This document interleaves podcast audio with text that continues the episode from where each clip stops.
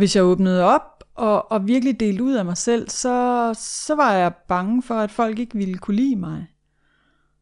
Og, øh, og, og det var ikke noget, jeg sådan rigtig kunne sætte ord på. Det var, det, det var mere sådan en grundfølelse. Så jeg gik ofte og følte mig anderledes end andre mennesker, og, øh, og holdt mig selv tilbage, og det var ikke noget, jeg sådan kunne sætte ord på. Men, men det var bare sådan noget, der skete.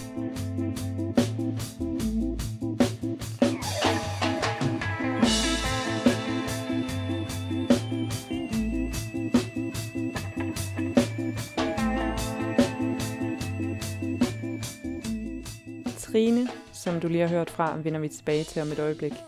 Mit navn er Rikke Winter. Jeg er journalist, og jeg har tilrettelagt og produceret Er jeg afhængig, som er en podcast i fire episoder. 50.000 danske kvinder er afhængige af alkohol i dag. For nogle år siden var jeg en af de 50.000, og det stod på i fem år, indtil jeg stoppede med at drikke for to år siden. Og det var først efter jeg stoppede med at drikke, at jeg fandt ud af, at jeg ikke var den eneste kvinde i Danmark med det her problem. Så da det gik op for mig, blev jeg frustreret over, hvor få der snakkede om det, og jeg satte mig for at finde nogle kvinder til at fortælle mig deres historier. Og det er der kommet den her podcast ud af. I hver episode kan du høre en ny kvinde fortælle om, hvordan det var at være hende, mens hendes alkoholproblem udviklede sig og stod på. Line mistede sin mor som 21-årig og fortæller om, hvordan hendes alkoholforbrug udviklede sig i årene efter sin mors død. Rikke blev single, da hun var 24 år, og fik kort efter konstateret en depression, som gjorde, at hun begyndte at drikke rødvin alene derhjemme om aftenen. Maria voksede op med at drikke ligesom de teenage-drenge, hun omgav sig med, og hun tog sine drikkevaner med ind i sit voksne liv, indtil det hele en dag væltede for hende. Trine begyndte at drikke, da hun blev alenemor som 21-årig. 17 år senere drak hun som aldrig før, indtil der skete noget, som ændrede hendes liv fuldstændigt. Uanset om du tænker, du måske selv har et problem med alkohol, eller om du bare er nysgerrig, eller har en veninde, en kollega, eller måske en datter, du er bekymret for, så er den her podcast til dig.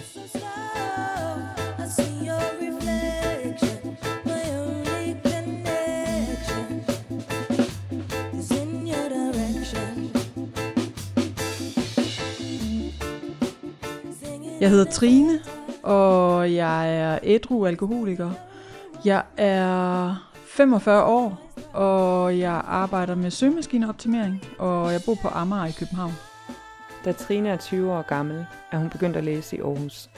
Hendes tilværelse forvandler sig dog pludseligt fra den ene dag til den anden, da der sker noget, hun ikke havde planlagt. Jeg havde det sådan, at nu skal jeg i gang med livet, og nu flytter jeg hjemmefra, og nu starter jeg på voksenlivet, og øh, det bliver enormt spændende. Jeg havde en masse håb om, hvad fremtiden skulle bringe, og jeg havde en masse drømme, jeg gerne ville udleve. Og, øh, og så befandt jeg mig selv som gravid lige pludselig. Det var jo helt utroligt underligt og surrealistisk at blive mor i sådan en ung alder. Der var ingen af mine kammerater, der, der havde børn, eller overhovedet tænkt på at få det. Og altså, når jeg kigger tilbage på det, så, så, så har jeg det i dag sådan med at sige, at jeg var et barn, der fik et barn. Mm. Jeg, øh, jeg, jeg havde en masse ambitioner og en masse drømme om, hvordan jeg gerne ville være som mor. Men det var også fuldstændig sådan learning by doing, og, og helt ud på tynd is, og lige pludselig stå der med en baby, og, og have den her utrolig store kærlighed til et andet væsen, og, øhm, og gerne ville en hel masse, men måske også sådan være utrolig ensom i det, fordi at der var ikke nogen, jeg ligesom kunne connecte med, og øhm, der, der var ikke sådan en, der, der var ikke nogen, jeg lignede.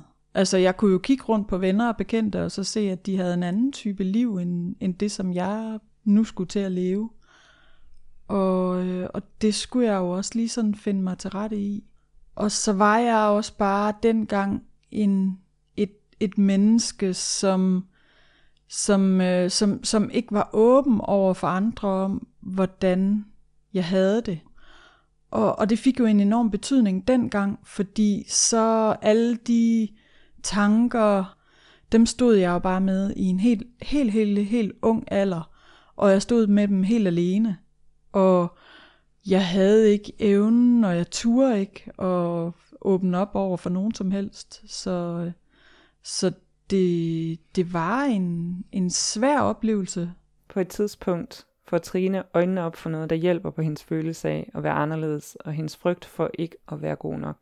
Og den løsning sniger sig på en eller anden måde lige så langsomt ind i hendes liv. I den første periode af mit liv, så, så drak jeg ikke sådan ude omkring til fester og sådan noget. Men der skete det en eller anden lørdag eftermiddag, så, så, så kiggede jeg på mit køkkenbord, og der stod en flaske rødvin, som jeg har købt, når jeg var nede og købte dagligvarer nede i Superbrusen. Og så åbnede jeg den flaske og begyndte at drikke af den. Og så, så kom der bare sådan en varme, der bredte sig i hele min krop. Og, og så kom der sådan en følelse af at være okay. Og jeg kunne ikke sådan, det var ikke noget, hvor jeg bare tænkte, ja, yeah, nu har jeg fundet løsningen til, hvordan jeg skal leve mit liv og føle mig okay. Men instinktivt, så var der bare sådan en eller anden løsning i den der flaske. Og det var ligesom om, det reparerede noget i mig, som jeg ikke engang vidste var gået i stykker. Så, så, så da jeg drak det der, så, så, så stoppede alt det der sådan indre kommentarspor med hele tiden at fortælle mig selv, at jeg ikke var god nok. Så var det ligesom om, at jeg, jeg vidste instinktivt, hvordan jeg skulle leve, og hvad jeg skulle gøre, og alle de bekymringer, jeg havde, de forduftede, og, og jeg var sådan, jeg, jeg turde være mig på en eller anden måde. Og den fortsatte egentlig, fordi så gjorde jeg det jo igen. Altså, der blev det bare hurtigt sådan, at, at jeg drak rødvin til maden om fredagen. Og så, så gjorde jeg det også om lørdagen. Og, øhm, og så lige pludselig, så gjorde jeg det bare også om tirsdagen. Og så gjorde jeg det måske også om torsdagen. Og hvor det startede med at være en flaske, så blev det hurtigt til to flasker rødvin, jeg drak.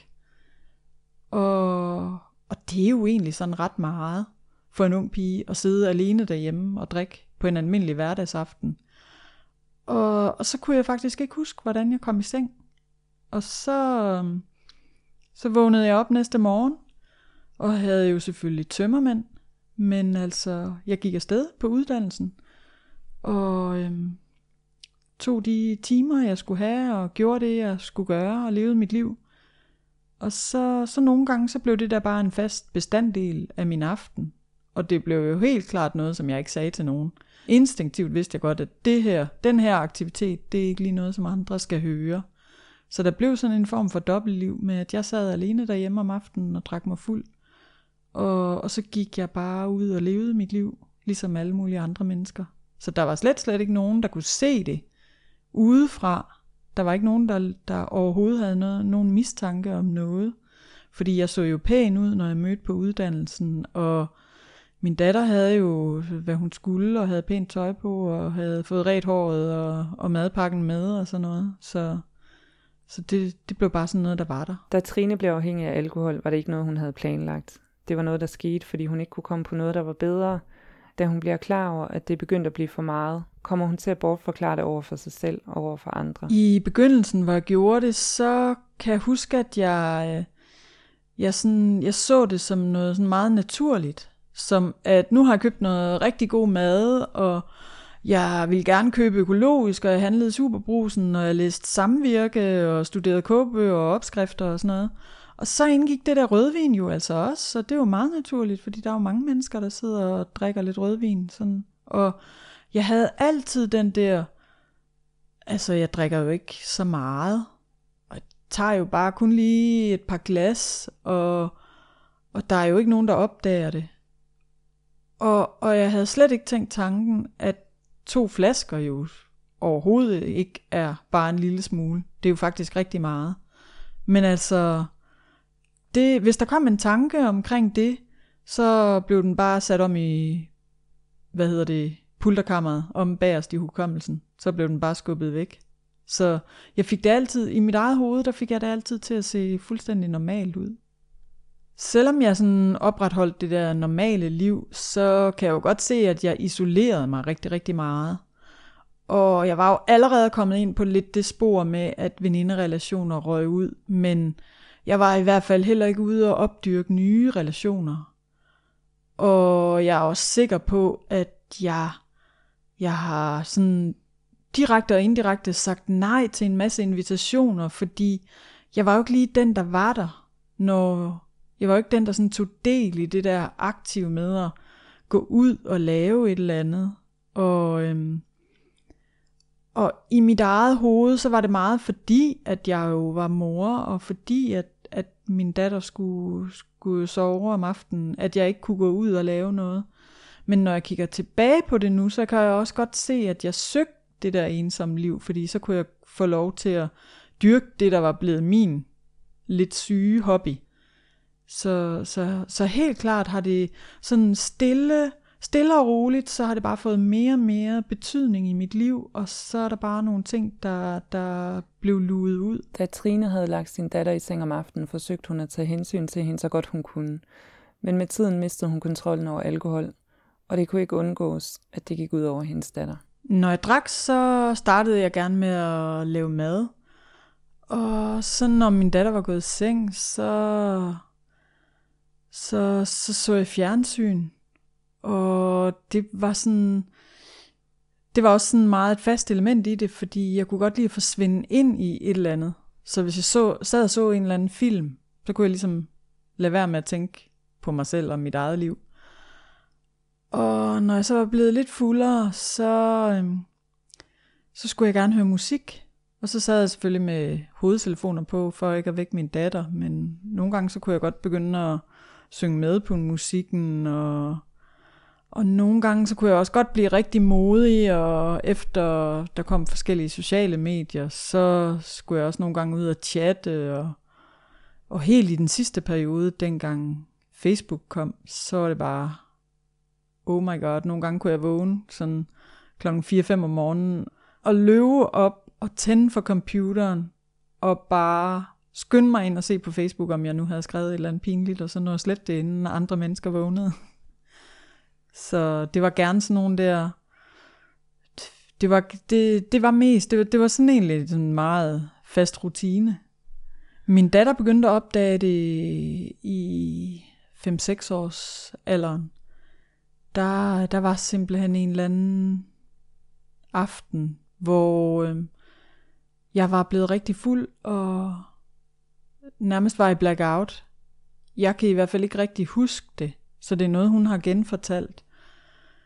Men, øh, men jeg, lå, jeg ligger på sengen, og, og så prøver hun at få kontakt med mig, og så fremstammer jeg sådan med en svag stemme, at hun skal finde en grøn mappe. Og så render hun hele lejligheden rundt og leder efter en eller anden grøn mappe, som hun overhovedet ikke ved, hvad er, og hun bliver ved med at spørge mig, hvad der foregår, og hvad sker der, jeg bliver ved med at bede hende om at finde den der grønne mappe. Og så tror jeg simpelthen bare på et eller andet tidspunkt, så er hun bare gået i seng. Og så har hun selvfølgelig været rigtig, rigtig utryg, meget, meget bange. Fordi hvad er det egentlig, der sker med mor? Og hvorfor opfører hun sig så mærkeligt? Og er hun syg, eller hvad? Og, og, og, og hvem kan hjælpe mig? Og, og det tror jeg sådan, det, det blev meget et tema for min datter også i alt det her. Det blev meget det der med at at bare gå i seng selv og ikke vide, hvad der sker. Og på et eller andet tidspunkt, da hun havde oplevet det her med nogle gange, så begyndte hun selvfølgelig at sætte lighedstegn mellem, at når mor bliver så underlig, så er det gerne, fordi hun har drukket indholdet i de der to grønne flasker. Da det går op for datteren, at der er noget galt, når mor hun drikker af de der grønne flasker, så prøver hun at hjælpe sin mor. Men alkoholen har fået så godt fat i Trine på det her tidspunkt, at hun ikke kan høre det. I starten konfronterede hun mig ikke med det, men øh, efterhånden så, så gjorde hun. Og efterhånden så begyndte hun at indtage sådan en voksenrolle over for mig, hvor hun prøvede at opdrage mig og prøvede at, at få mig til ikke at gøre det. Og, øhm, og hun kunne blive meget, meget vred, og hun kunne blive meget ked af det. Og vi har en oplevelse også, hvor vi er ude at handle, og hvor hun virkelig tryller mig om at lade være med at købe rødvin. Men hvor jeg så gør det alligevel. Og altså, jeg har jo bare fuldstændig mistet al virkelighedssans. Så jeg, selvom jeg godt, godt kan se, at hun er ulykkelig, så, så siger jeg bare til hende, at, øh, at der ikke sker noget ved det, og, og at jeg ikke drikker særlig meget. Min datter var jo var meget vred på mig. Tit og ofte var hun meget vred, og, og altså, jeg kunne se det i hendes øjne samtidig også, hvis hun kiggede på mig, mens jeg var fuld, så var det meget med, sådan, med, med afsky i øjnene. Og hun synes jo selvfølgelig, at jeg var ynkelig, og, og i det hele taget var det jo også bare en kæmpe stor sorg. Altså, hun var, hun var meget ked af, at jeg gjorde det her, og følte sig jo helt klart ensom og, og forladt i alt det her. Hun måtte nærmest lære sig selv ikke at falde i søvn om aftenen. Og, øh, og hun, hun øvede sig i at ligge vågen i sengen for at lytte efter, hvad jeg nu gjorde. Om jeg lavede ulykker, eller jeg satte ild til komfuret, eller, eller om jeg forlod hjemmet og gik ud, eller et eller andet. Så, Øh, så hun, har, hun har rigtig tit været meget vred på mig, og skældt mig ud, og, og forsøgt at tale mig til fornuft. Selv da Trine havde indset, at det ikke var godt for hende at blive ved med at drikke, var der selvfølgelig en grund til, at hun blev ved. I bund og grund handlede det om, at hun gerne ville føle sig bedre tilpas, og på et tidspunkt begyndte det også at handle om at kunne holde skammen ud i strakt arm. Jeg tror, at alkohol havde sådan en kæmpe stor magt over mig, fordi at den, den var den eneste løsning, jeg kendte, der kunne gøre mig i stand til at være mig. Jeg tror, at øh, specielt i, i altså efterhånden, som, som det skred frem, så kunne jeg mærke det endnu, endnu tydeligere, at når jeg ikke var fuld, så, øh, så kunne jeg nærmest ikke holde ud at være inde i min egen krop. Jeg kunne nærmest ikke holde ud at være inde i min egen hud. Og, øh, og det var bare sådan en grundlæggende følelse af at være utilpas i verden, og være utilpas i mig selv, og en grundlæggende følelse af at være forkert som menneske, og ikke at slå til. Og, og der var alkohol simpelthen et mirakelmiddel, især i starten. Lige så snart jeg drak, så var det ligesom om, at der bare skete noget, så, så jeg gik fra at være en person, der ikke havde noget selvværd, til en person, der følte, at jeg kunne klare hele verden. Og den følelse blev jeg simpelthen afhængig af. Og, og snigende og overrumplende og rigtig, rigtig magtfuldt, så blev jeg jo også bare afhængig af alkohol. Jeg benægtede jo selvfølgelig, at det skete på et eller andet plan, men på, en, på et andet plan, så havde jeg jo også bare en enorm skyld og en enorm skam også, som jeg gik rundt med. Og der var det jo næsten sådan en ond cirkel, som at jo mere jeg drak, jo mere skyldfølelse fik jeg, jo, mere, jo større blev min skam. Så jo mere var jeg nødt til at drikke for at slippe for den skyld og skam. Fordi jeg havde overhovedet ikke nogen forestilling om, at jeg kunne stoppe med at drikke, eller jeg kunne ikke forestille mig nogen løsning, der kunne, der kunne hjælpe mig. På et tidspunkt møder Trine en mand, hun bliver forelsket i, og de bliver kærester selvom man måske skulle tro, at det at få en kæreste kunne give Trine motivation nok til at ændre på sit forhold til alkohol, er det desværre ikke altid sådan, det går. På et tidspunkt da, omkring, da min datter skal konfirmeres, der møder jeg en kæreste, og øhm, der blev jeg simpelthen bare vanvittigt forelsket. Jeg havde det som om, at nu har jeg mødt manden i mit liv. Og jeg gik rundt på sådan en lyserød sky, og det var bare super dejligt, når vi var sammen.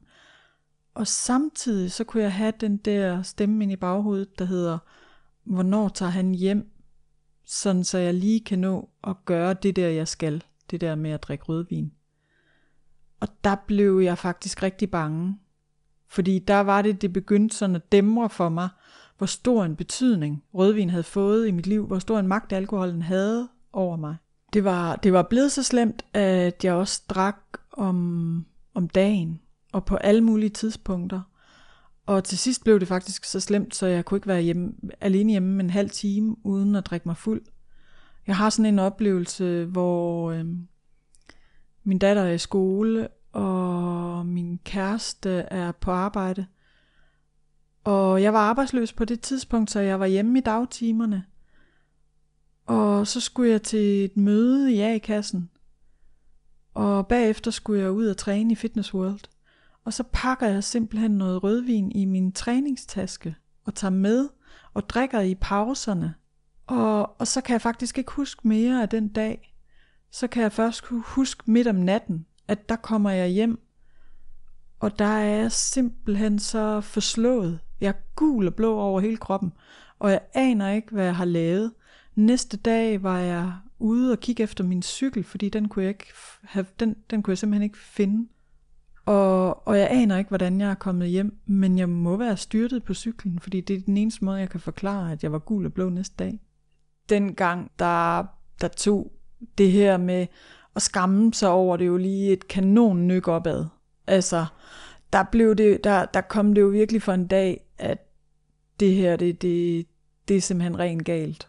Og jeg, jeg blev faktisk sådan et, et menneske, der levede fuldstændig et dobbeltliv, for jeg gik rundt og smilte udad til, og lød som om alt var godt, og så havde jeg bare sådan, jeg kunne nærmest få panikangst anfald af frygten for, at andre skulle finde ud af, hvad det var, der skete, og var der nu nogen, der havde set det, og havde jeg nu mødt nogen, jeg kendte, eller når jeg skulle ud og handle, når jeg købte alkohol, så lavede jeg sådan en turnus mellem forskellige supermarkeder, for ikke at handle for meget det ene sted, fordi hvad tænker ekspedienten nu og sådan noget. Og, og så senere på aftenen, når jeg var blevet kanonfuld, så gik jeg jo bare ned i kiosken og var fuldstændig ligeglad.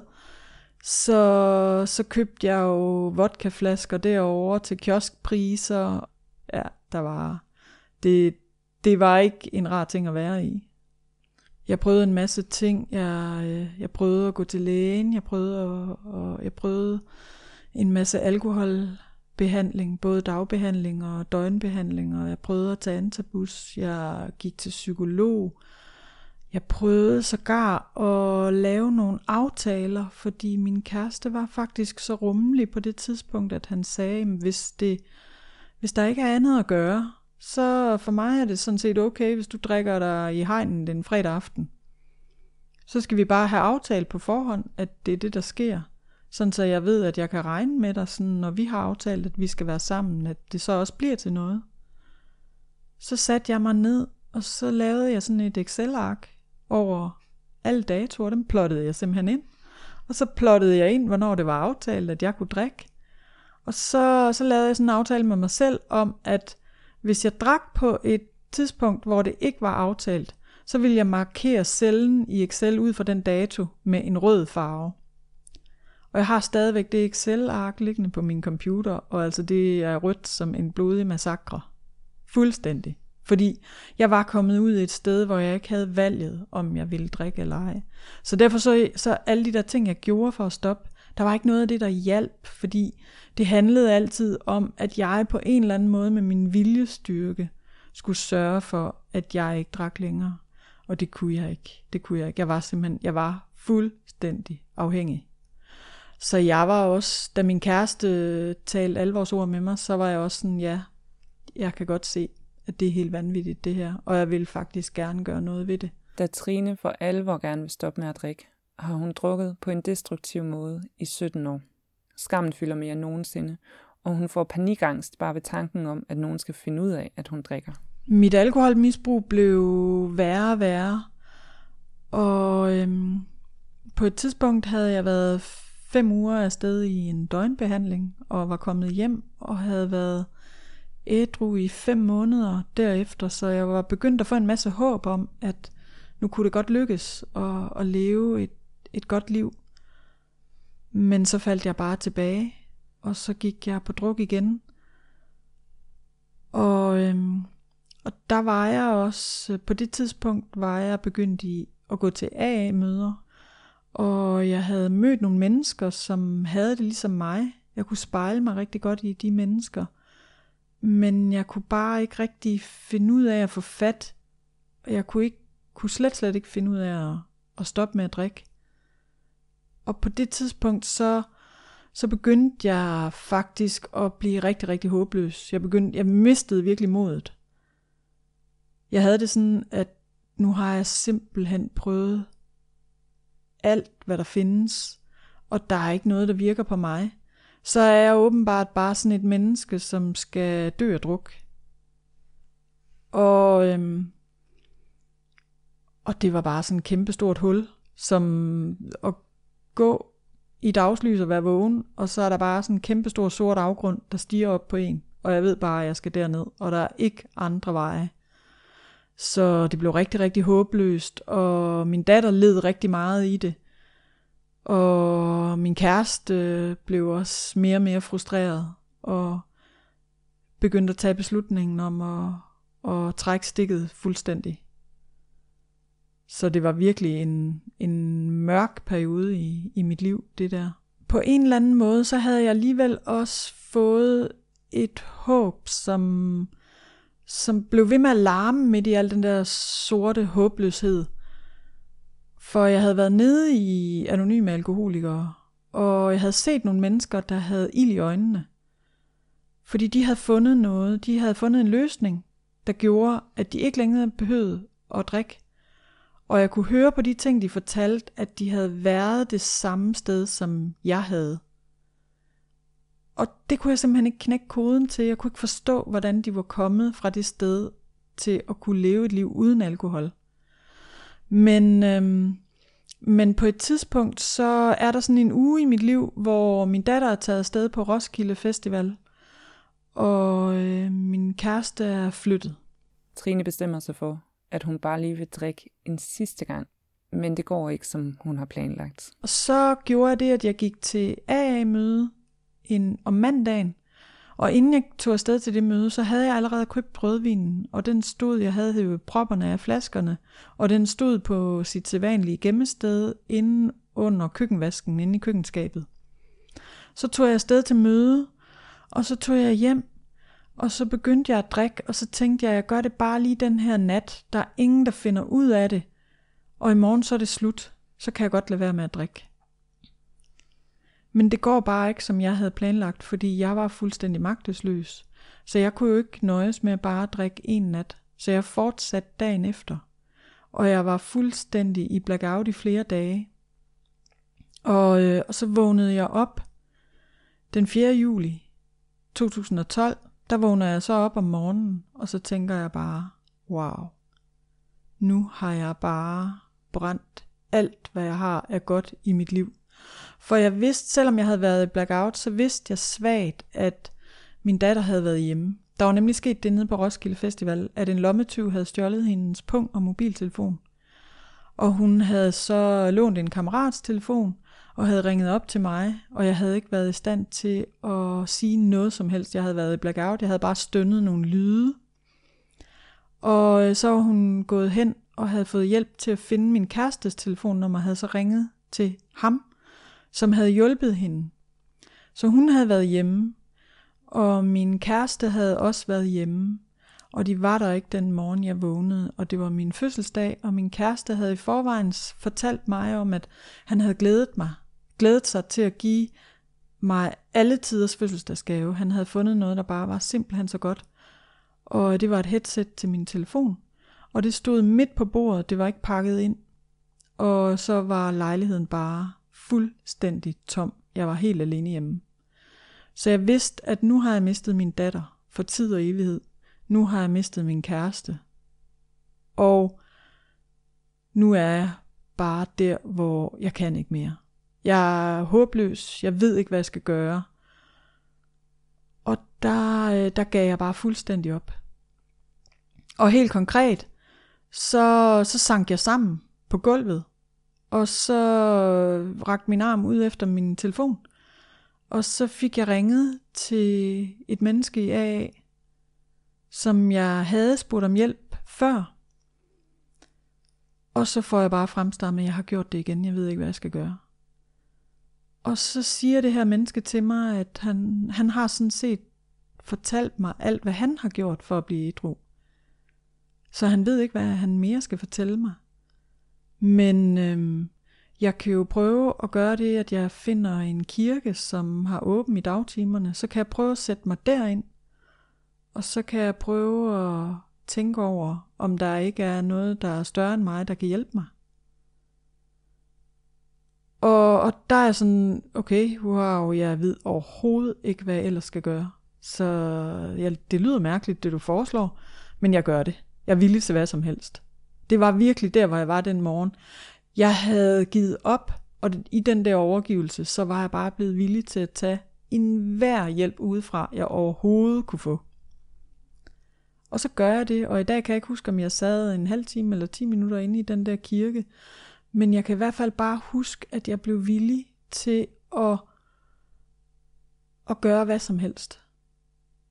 Og, og derefter, fra den dag, der skete der simpelthen noget inde i mig, der gjorde, at jeg fulgte den løsning, som vi bruger i Anonyme Alkoholikere. Og, og fra den dag, så har jeg så ikke drukket længere. Så siden den 4. juli 2012 har jeg været ædru. Og det er jo lidt over 6 år nu. Så, så den dag, der, øhm, der kom der bare en kæmpe forandring. Trine formåede altså både at bevare forholdet til sin datter og redde forholdet til sin kæreste.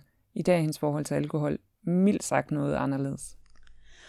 I starten, efter jeg blev ædru, der, der var det meget sårbart med alkohol. Altså, der kunne jeg ikke have alkohol i hjemmet, for eksempel. Og det var min kæreste og min datters rigtig søde til at respektere. Og øhm, efter noget tid, så, så kom min kæreste og spurgte, om det var okay, at han fik sig et barskab, fordi han havde opdaget, at han var interesseret i finere rom. Og der kunne jeg bare mærke, at det var helt okay. Så han købte sig et par af de der flasker, og de er rigtig flotte. Nogle af dem, de ligner sådan nogle forvoksede parfumeflakonger. Og så øh, i virkeligheden, så, så, så drikker han jo ikke særlig meget. Det er faktisk sjældent, han drikker noget af det. Så det står på sådan en hylde over hans, over hans skrivebord. Og jeg kalder det lidt spruttens kirkegård, fordi at jeg drikker ikke noget af det, og han gør næsten heller ikke. Så det står bare der for damper. Og det er sådan, det er med mig og alkohol i dag, hvor førhen, der var det sådan, at hvis der var noget alkohol, så drak jeg det. Og hvis det ikke var der, så købte jeg det i hvert fald. Og, og hvis jeg bare drak en lille smule og løb tør, så gik jeg i panik. Og nu der er det der med alkohol bare sådan fuldstændig lige meget. Jeg lever et fuldstændig normalt liv, hvor jeg kan alt, undtagen at drikke. Jeg tror på, at, at hvis jeg drak noget i dag, så ville der ske nøjagtigt det samme, som der gjorde dengang. Og i dag, der har jeg fået et valg. Der kan jeg rent faktisk vælge at lade være. Så i dag vælger jeg bare at lade være. Men jeg lever mit liv fuldstændig normalt.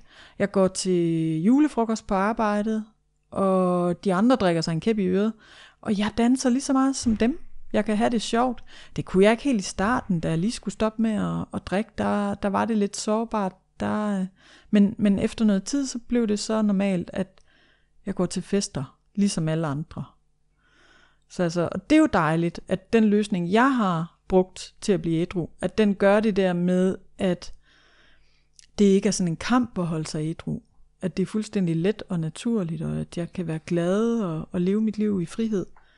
Og at det ikke er noget, jeg savner. Fordi jeg tror, hvis jeg havde den der sådan længsel efter det hele tiden, eller hvis det var sådan noget, der lå i baghovedet, som at nu skal jeg passe på, og det er farligt, og sådan, så, øhm, så tror jeg ikke, at jeg ville kunne holde mig stabil ædru på sigt. Trine tog et valg om at være åben og ærlig omkring sit forhold til alkohol over for alle, hun møder, og det har gjort tingene noget nemmere for hende. Og noget af det er sværere end andet.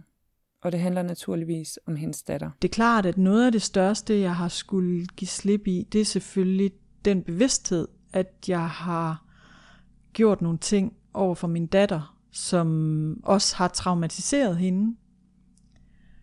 Og øh, i starten, da jeg skulle begynde at kigge på de ting, der kunne det virkelig skylle ind over mig som sådan en tsunami af skyld og skamfølelse, som nærmest var helt fysisk og gjorde, at jeg nærmest tænker, nu dør jeg, hvis jeg skal tænke mere på det her. Men, øhm, men jeg har jo været jeg har jo talt rigtig meget med hende omkring det, og, øhm, og jeg har taget ansvaret på mig, og, og på den måde har jeg sådan ryddet op i fortiden, kan man sige, ikke? ved at sige til hende, at jeg kan godt se, at det var mig, der gjorde de ting. Jeg var en rigtig dårlig mor, og, og, og det er jeg rigtig ked af. Og nu fremover, der kan du stole på, at jeg vil være en langt bedre mor over for dig. Så, øh, så det er også noget, jeg skal tage mig af i hverdagen. Altså jeg kan stadigvæk godt blive angrebet af nogle anfald af skyld og skam. Og, øh, og det tager bare tid, den der tilgivelse. Først ud og rydde op i det, og gøre noget andet, og så og egentlig også skulle tilgive sig selv, det tager noget tid. I dag har Trine været ædru i seks år, og hun vil gerne hjælpe andre med at snakke noget mere om alkoholisme, sådan at det ikke længere er den enkeltes problem, men at det er noget, vi arbejder på som samfund. I dag tænker jeg, at øhm, hvis vi bliver bedre til at tale om alkoholisme, så vil der måske også være flere, der får en løsning. Og jeg er helt sikker på, at det også kunne have hjulpet mig, og også kunne have hjulpet min datter dengang, hvis der var flere, der havde spurgt ind til det. Så øhm, det er jo rigtig, rigtig svært, og det er sårbart for mange.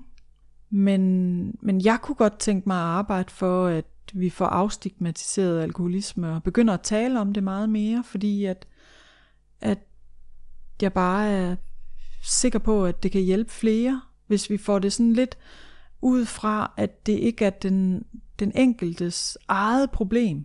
Fordi den enkelte, jeg, altså jeg kunne ikke gøre noget på egen hånd.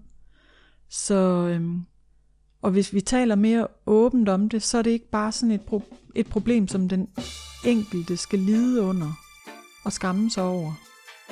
Så, så er det noget, så, så kan det blive hævet op til at blive et samfundsproblem, som vi kan gøre noget ved.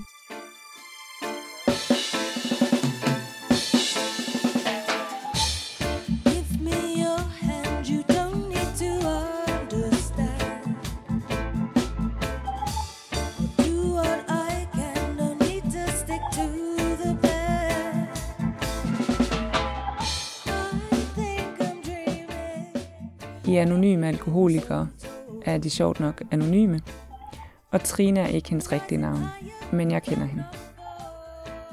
Jeg har mødt mange, der tror, at enten så kan man styre sit alkoholforbrug, eller også så kan man ikke, og så skal man vælge at være ædru for altid.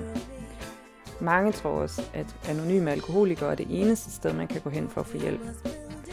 Men sådan er det heldigvis ikke. Der er rigtig meget hjælp at hente, og i programnoterne har jeg skrevet en liste over tilbud fra organisationer, som arbejder med alkoholproblemer og fra kommunerne. Her kan du finde al den information, du skal bruge, og du kan vælge at skrive over chat, sende en e-mail, ringe til en hotline eller møde op til en personlig samtale. Det er anonymt, og det forpligter ikke at snakke om det. Alle du kommer i kontakt med er fagpersoner og kan enten hjælpe dig eller sende dig videre til nogen, der kan. Hvis du vil vide mere, kan du klikke på linksene direkte på din telefon og blive ført videre til hjemmesiden. En stor tak til Alkohol og Samfund, og en særlig tak til Rikke, Maria, Line og Trine.